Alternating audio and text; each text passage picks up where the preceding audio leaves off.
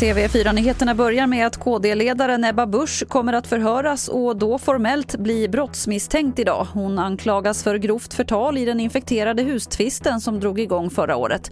Frågan handlar om ett inlägg på sociala medier där Ebba Busch pekade ut den dåvarande hussäljarens ombud som brottslig.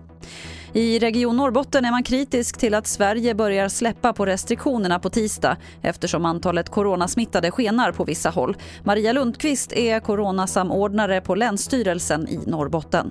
Läget är allvarligt i Norrbotten. Vi ser ju att smittspridningen ökar i privata sammanhang och det är ställen där vi inte kan överhuvudtaget reglera eller kontrollera att de följs. Så man kan tycka att tajmingen just nu för att lätta på en del restriktioner kan vara lite dålig.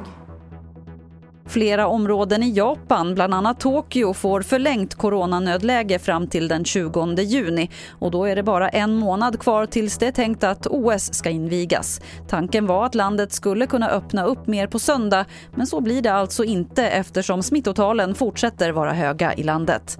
Det var det senaste från TV4 Nyheterna. Jag heter Lotta Wall.